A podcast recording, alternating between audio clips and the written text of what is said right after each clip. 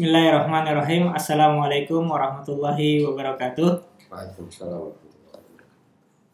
Eh, baiklah penonton di mana pun anda berada, alhamdulillah pada kali ini kita eh, berjumpa lagi di serial filsafat, tentunya di program channel Kupas. Pada malam hari ini, alhamdulillah saya sudah bersama Ustadz Musa Kazim dalam kajian eh, filsafat. Insya Allah pada kali ini kita akan membahas eh, seputar mungkin terkait isu-isu terkini yaitu kekerasan atas nama agama tentunya ditinjau dari sudut pandang filosofis. Alhamdulillah pada kesempatan kali ini saya sudah bersama Ustadz Musa. Assalamualaikum Ustadz, Waalaikumsalam kabar baik Ustadz? Baik, alhamdulillah. Eh, begini Ustadz, eh, kalau saya melihat dari rangkaian berbagai macam aksi kekerasan yang mengatasnamakan agama, Hmm. eh, kebanyakan dari mereka yang saya tahu itu adalah terinspirasi mau tidak mau dari eh, ajaran-ajaran yang eh, yang kita sepakati sebagai sumber otentik Islam. Kita tidak bisa menghindari yaitu misalnya Al-Qur'an dan hadis-hadis Nabi. Salah satu salah satu misalnya eh, banyak sebenarnya dalam Al-Quran dan hadis-hadis Nabi yang secara ekspresif, secara eksplisit itu eh, dan lahiriah kita eh, menemukan kata-kata yang bernada kekerasan memang. Eh, misalnya dalam kisah misalnya Nabi Ibrahim misalnya eh, secara singkat cerita dan ini sangat populer yaitu Nabi Ibrahim menghancurkan berhala umat agama yang lain Hmm. sehingga banyak orang yang berkata ya sah-sah saja orang misalnya menghancurkan gereja Hmm. menghancurkan candi Ya. karena memang ada dasarnya ada dasarnya dan sebagainya Eh, banyak lagi highlight-highlight dalam narasi-narasi Islam yang saya sendiri tidak bisa menghindari bahwa itu ada Hmm. Ya. cuman secara bagaimana eh, Islam eh, secara filosofis dan rasional menjawab eh, apa namanya eh, klaim itu bahwa orang-orang ini betul mengambil dari eh, dan terinspirasi dari eh, narasi-narasi yang otentik Hmm. dan disepakati banyak orang bahwa eh, itu pernah terjadi dan menginspirasi eh, banyak orang. Mungkin kita ambil dari kasus Nabi Ibrahim dulu dan mungkin nanti kita lebih besar kepada eh, tinjauan filosofisnya. Ya. Terima kasih. Assalamualaikum warahmatullahi wabarakatuh. Salah satu nabi yang kerap disebutkan dalam Al-Quran Hmm. adalah Nabi Ibrahim karena kisahnya eh, sangat beragam dan ber apa bervariasi artinya bermacam-macam dalam bermacam-macam konteks Hmm. bahkan salah satu nabi yang eh, juga diterima ketokohannya dan kenabiannya oleh seluruh agama samawi Hmm. Yaitu eh, Yahudi, Nasrani dan Islam. Islam sehingga eh, beliau disebut sebagai bapak monoteisme karena perannya yang begitu eh, sentral dalam menegakkan kembali tauhid. Hmm. Eh, dalam kisah Nabi Ibrahim ada soal penghancuran penghancuran berhala-berhala itu. Tetapi kita jangan lupa bahwa ada konteks. Nah, di sini penting untuk kita selalu paham konteks. Konteks.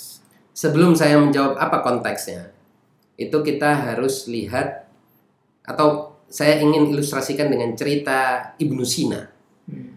ketika dia menghadapi orang yang tidak percaya dengan wujud. Setiap kali Ibnu Sina berusaha untuk mengatakan bahwa wujud itu sesuatu yang nyata, sesuatu yang kamu setiap saat alami, gitu kan? Wujud ini maksudnya keberadaan. Wujud keberadaan. Oh, iya. Bagaimana Anda tidak bisa tidak meyakini adanya keberadaan ke- Anda sendiri ada atau tidak kan gitu. Maka Ibnu Sina kemudian mengambil batu dan melempar orang itu. Ketika orang itu kemudian protes eh, kesakitan, Iya. Ibnu Sina bilang tidak ada kesakitan, tidak ada batu, Iya. tidak ada lemparan. Iya. Ini artinya apa? Seorang Ibnu Sina itu menghadapi orang yang keras kepala, Hmm. orang yang tekak, orang yang tidak bisa diberitahu hanya sekedar dengan dalil rasional. Hmm. Harus ada cara lain. Hmm. Nah, kita lihat Nabi Ibrahim di dalam kisahnya di dalam Al-Qur'an itu berusaha untuk menunjukkan dengan berbagai cara betapa berhala ini tidak ada artinya. Jadi bukan berhala ini sesuatu yang sebagaimana yang Anda klaim Tuhan yang memberi Anda makan, memberi Anda minum, memberi Anda kehidupan, memberi Anda macam-macam seperti dugaan Anda. Sesungguhnya berhala ini adalah sesuatu yang tidak memiliki arti apa-apa. Tetapi di sisi lain, argumen Nabi Ibrahim ini selalu dihadapi dengan kekeras kepalaan, penolakan yang tidak berdasar, penolakan sekedar penolak, Fanatis mungkin ya. fanatisme Iya. gitu ya. B- bahkan lebih jauh daripada itu, Nabi Ibrahim diancam.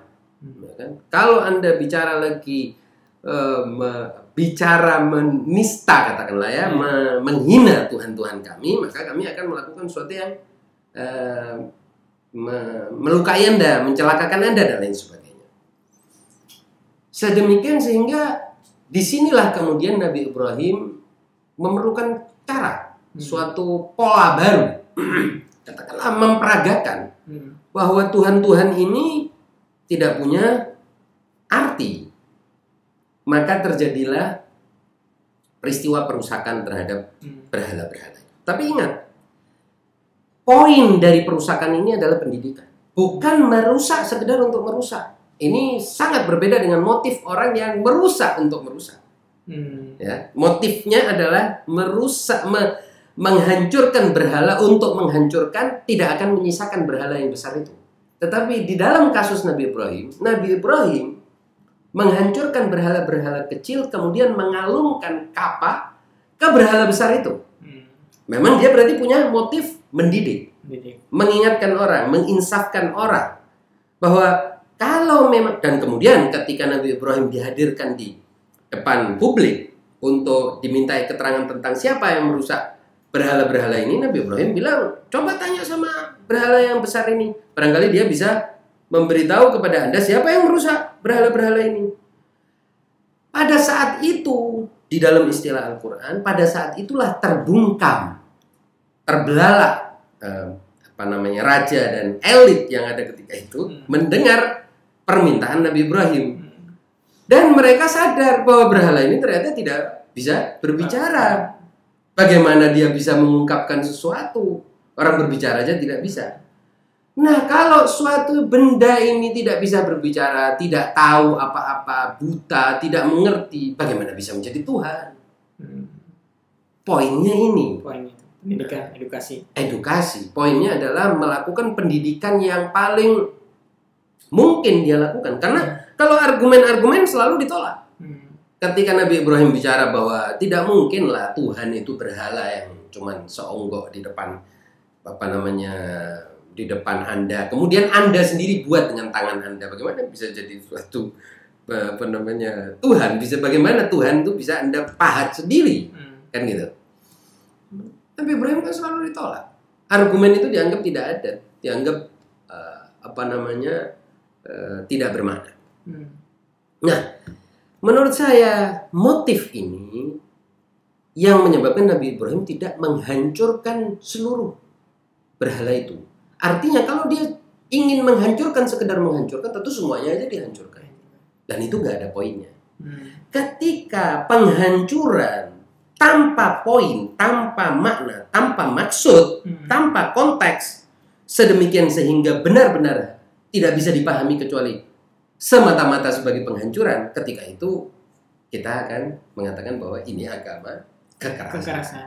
Karena memang tujuannya kekerasan itu merusak merusak. ya kan? sebagaimana yang dilakukan oleh orang-orang Taliban misalnya yang kita tahu beberapa waktu lalu merusak patung Buddha itu di Bunya Bam- Bamiyan atau siapa. Nah, itu kan mereka merusak untuk merusak kenapa poinnya mereka menghancurkan situs yang sudah tidak lagi di apa namanya sudah tidak lagi dipakai untuk beribadat tidak Hmm. tidak lagi dipakai tidak lagi disembah dan lain sebagainya itu poinnya?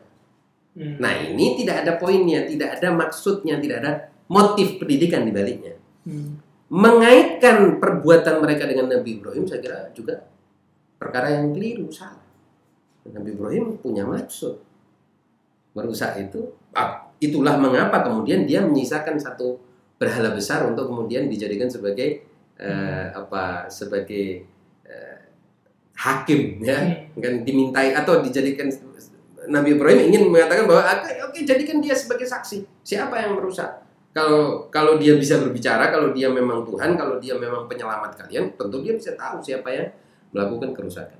Hmm. nah ini poin. Saya kira poin pendidikannya di sini. Seperti Nabi seperti Ibnu Sina ketika meskipun ini Nabi satu ilmuwan biasa jelas Nabi punya kedudukan yang lebih tinggi tapi ketika Ibnu Sina melempar orang itu dengan batu bukan untuk menyakiti orang kan Hmm. tapi untuk mengingatkan orang bahwa pikiran Anda bahwa tidak eh, wujud itu tidak ada, keberadaan itu tidak ada ini di luar akal sehat.